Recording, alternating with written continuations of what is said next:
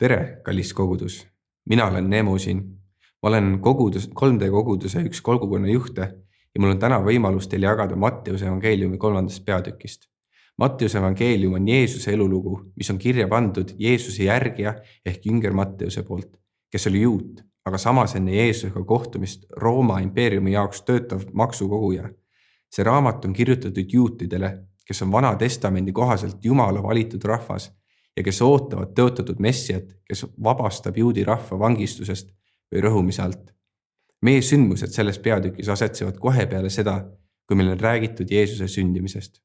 loeme koos teksti ja vaatame, mis me õppida võime.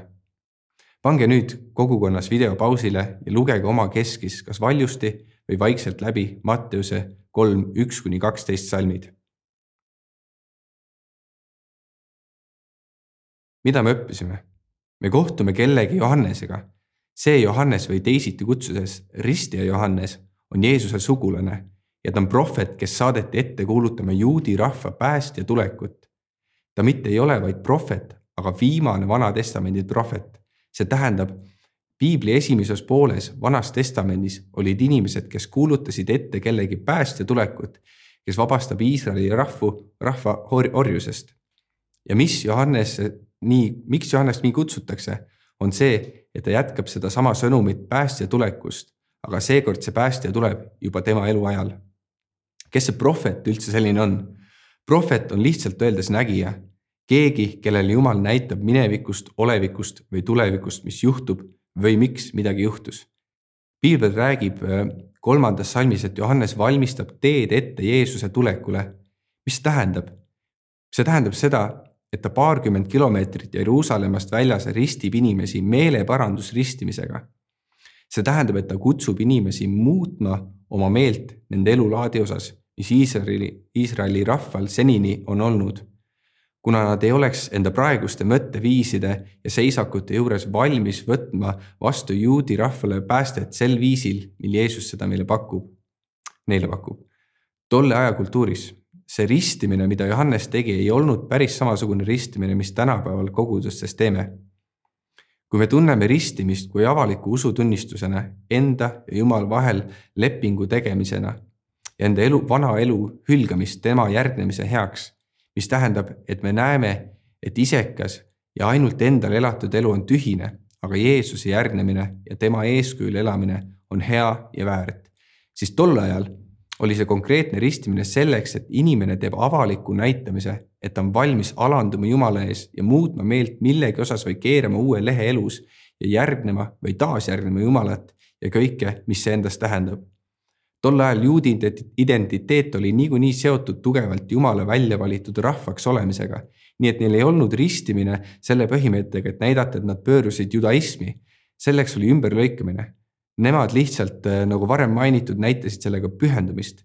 tekstist me näeme salmides seitse kuni kümme, kuidas Johannes kutsub lisaks tavakodanikele juudi autoriteetseid seadusetundjaid, keda nimetatakse variserideks korrale ehk meeleparandusele. variserid olid tänapäeva mõistes nagu meie kõrgkesk, keskklass, nad olid liht, lihtrahvast jõukamad, mõjukamad ja äärmiselt seadusekuulekad juudid. piibel kirjeldab et nad andsid isegi enda aiaürtidest ja vürtsidest seaduse kohalisi, kohaselt kümnendiku templile. ja sellega Johannese sõnumi levimine ei lõppenud. Johannes manitseb isegi sadusere, kes on ühe preestri Saadoki järglased. Nad on preestrid, nii et Johannes kutsub oma aja juhtivaid vaimulikke autoriteete Jumalale pühendunud sugukonda korrale, et nad enda viise, südant ja käitumist muudaksid selle kõige jaoks ta toob võrdpildi puude raiumisest, öeldes, et need eelmainitud inimgrupid loodavad Jumala rahvas olla vaid enda vanemate sugupuu ja juudiks olemise poolest. aga kui nad ei näita enda elus seda head vilja ehk nad ei ela Jumala armastust, mis tuleb Jumala armastust välja, mis tuleb Jumala rahvaks olemisest, siis nad ei ole osa sellest sugupuust. edasi Johannes vihjab sellele, et inimesed otsekui arvavad, et tema, Johannes, on nii suur ja imeline inimene, et kõik tulevad tema juurde, et mingit suurt prohvetit näha. aga ta räägib, kuidas pärast teda tuleb keegi, kes ristib püha vaimu ja tulega. mis see siis nüüd tähendab? seda, et püha vaimu ja tulega koos ristitakse, on vaid siinsamas mainitud, ja selle tõlgendus on see, et kui Johan-, Johannes sai ristida lihtsalt veega, mis ei muuda südant ja mõni vaga variser võib isegi seda ära kasutada, et endale võltsalandlikkust nii-öelda suurendada. ja ta teeb äh, nii-öelda taaskord uue pühendamise Jumalale, siis äh, peale Johannest tuleb inimene, kelle ristimine on reaalselt elu muutev. Jeesus ristib esmalt püha vaimuga, kes annab meile Jumala väe ja jõu olla efektiivne tunnistaja kristlasena Jeesusest. teiseks ta ristib tulega, mis mitte lihtsalt ei lase meil korraga näidata, korra näidata, et me oleme muutunud, vaid paneb meid tõsiasja ette, et me oleme lõplikult ka vastutavad viimsel päeval Jumala trooni ees oma tegude pärast.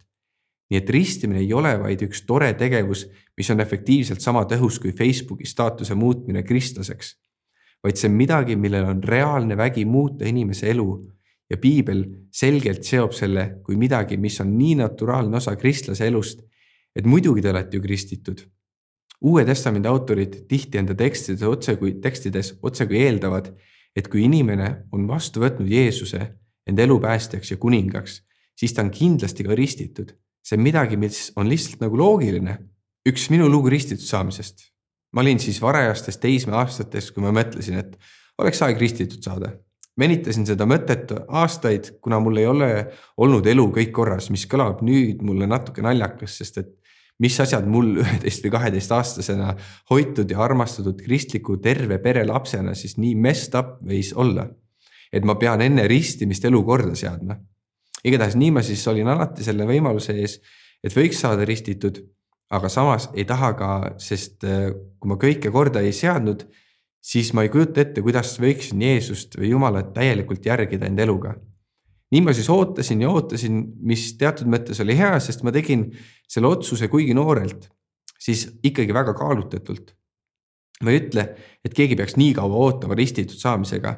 aga kui sa oled otsustanud enda eluga Jeesust järgida, siis ma ütlen, sul ei pea enda elus kõik sada protsenti korras olema, et ristitud saada. järgi lihtsalt tahet elada Jeesusele see on ikkagi vaid üks kahest sakramendist või kristlikust usutalitusest, mis on seatud Jeesuse poolt. See sakrament või usutalitus tähendab seda, et koos leiva murdmisega on Jeesus andnud meile kaks konkreetset käsku. et me teeksime mingi füüsilise teo, millel on vaimne vägi. nii et sügavalt südames soovitan seda teha, sest see on just see tegu saada ristitud sest just see tegu saada ristitud on mitte ainult minu elu, vaid ka mitmetel teistel kristlastel üle maailma aidanud seada tugevama kursi järgida Jeesust enda eluga ja aidanud leida tõeline väärtus temas. aga tekst läheb edasi. paneme nüüd pausile ja võtame aja kogukondades, et lugeda läbi Matteuse kolmas peatükk, salmid kolmteist kuni seitseteist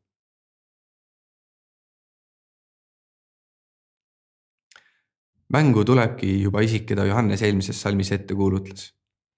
kuna me oleme kõik selle tekstiga kas nii harjunud, et ei suuda eristada enam veidraid asju tavalistest, sest me oleme seda nii palju kuulnud.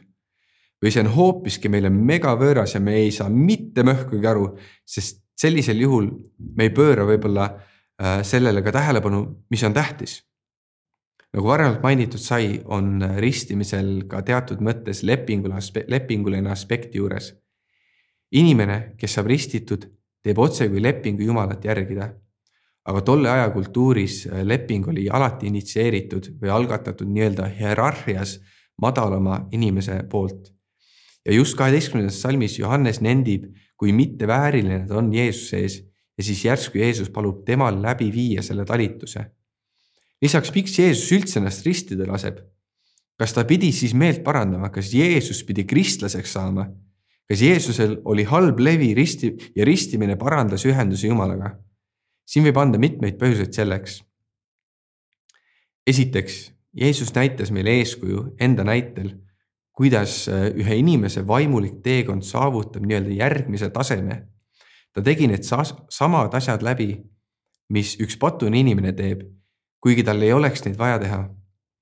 teine variant on, Äh, Jumal tahtis, et ka Jeesus teeks nii-öelda avaliku tunnistuse, et ta nüüdsest on pühendunud vaid Jumala riigi tööle ja seega Jumal näitas läbi enda äh, hääle ja püha vaimu kui tuvina Jeesuse peale laskumist, et tema täius ehk kolmainsus on Jeesusega koos Jeesuses koos, mis tunnistas Jeesuse jumalikku staatust ja samas ka tema soosing on Jeesusega kaasas. see on üks kohtadest Uues Testamendis muide, kus Jumal enda kolmainsuses on selgelt koos ühes ajas ja hetkes arusaadavalt. Kolmainsus on Jumal, Isa, Poeg, Jeesus ja Püha Vaim ühes ja samas isikus, aga jällegi kolmes isikus. mis me siis sellest tekstist õppida võisime? kas vaid kuiva infot või päriselt kasulikke juhiseid, kuidas Jumalat paremini tundma õppida ja tema viise pidi enda, Jumalat tundma õppida ja tema viise pidi elu elada ma usun, et kuigi see tekst on üsna keeruline ja veel pikka-pikka aega tagasi kirjutatud ka, me saame näha, et ristimine on mega oluline juba selleks, et Jeesus ise pani meid ennast meie kingadesse ja tegi seda, mis temal ei olnudki vajalik, aga meile tähendab lõpmatult palju. me saame näha, et Jeesus tuleb meile vastu nii nagu ta tuli Johannese juurde ja lasi ennast ristida mitte ei olnud kuskil kaugel pilve peal ootamas, et keegi kuskilt templist suurest vagadusest höljuma hakkab, et tema juurde pilve peale jõuda. Aga kõige tugevam point minu jaoks on see, et kui Johannes kuulutas, taevariik on ligidal, parandage meelt, siis meie võime kindlusega öelda, kuna Jeesus on meie eest surres maksnud meie võlad ja eksimused, et äh, parandage meelt, sest taevariik on siin sest Jeesus oligi ise see taevariik, keda Johannes kuulutas. ja ta on meie igapäev, ta on meile igapäevaselt kättesaadav ja ligidal. ta on siin. Mul on ka veel häid uudiseid, me ei pea iga kord konkreetseid füüsilisi usutalitusi tegema selleks, et Jumal meid kuuleks. kui me tahame enda viise parandada, kui sa oled kristlane, siis sa lihtsalt pöördu kasvõi Jumala poole enda südames ja otsusta jätkata elu rohkem Jeesuse moodi sellistel tegudel äh,, nii-öelda füüsilistel tegudel on hea viis meid aidata suurte otsuste tegemise lihtsamaks muuta. See ei olnud ka tol ajal kohustuslik juudi seaduse järgi, aga see oli viis, mingi füüsiline samm, mis näitas inimese pühendumust keerata uus leht elus. nii et Jumal on tulnud äh, sinu südamesse elama, kui sa oled kristlane. seega sul on võimalus iga päev saada rohkem Jeesuse sarnasemaks ja iga päev enda südames teha otsuseid rohkem ja rohkem Jumala kasuks. ja väga tihti see nõuab, et me tunnistaksime endale, et me oleme Jumala vastu eksinud ja enda meelt muuta oma uhkuse ja isekuse osas. sest neile, kes igatsevad Jeesust tunda isiklikult ja on nõus meelt parandama, neile on ka iga hommik uus arm. sellega mulle meenub üks suurim meeleparandus või meelemuutus minu elus. ma olin elus kohas, kus ma olin praktiliselt ainult nimelt kristlane. see oli kuskil neli aastat tagasi, ma aktiivselt äh, suhtlesin äh, vastassugupoolega seksuaalsete agendadega südames. ma veetsin aega peaaegu kõik enda vaba aja videomänge mängides, kui mul oleks olnud ka selliseid sõpru äh,. siis oleks ka minu vaba aeg lisaks kõigele muule veel joomist ja muud halba endas sisaldanud see on pikk lugu, mille leiab äh, selle kogu täiuses 3D kodulehelt tunnistuste segmendi alt. Aga mis selle muuta aitas, oli see, et ma teadsin, et juba kuu aja pärast lähen Saaremaale Disleri praktikale. ja kui ma veel minema hakates tunnen südames, et tahan elu äh, muuta ja uuesti enda elu Jumalale pühendada, siis ma annan kõik sellest selleks, aga kui mitte, siis loobun usust täielikult. niisiis ma venitasin enda aega sinnamaani ja läksingi Saaremaale.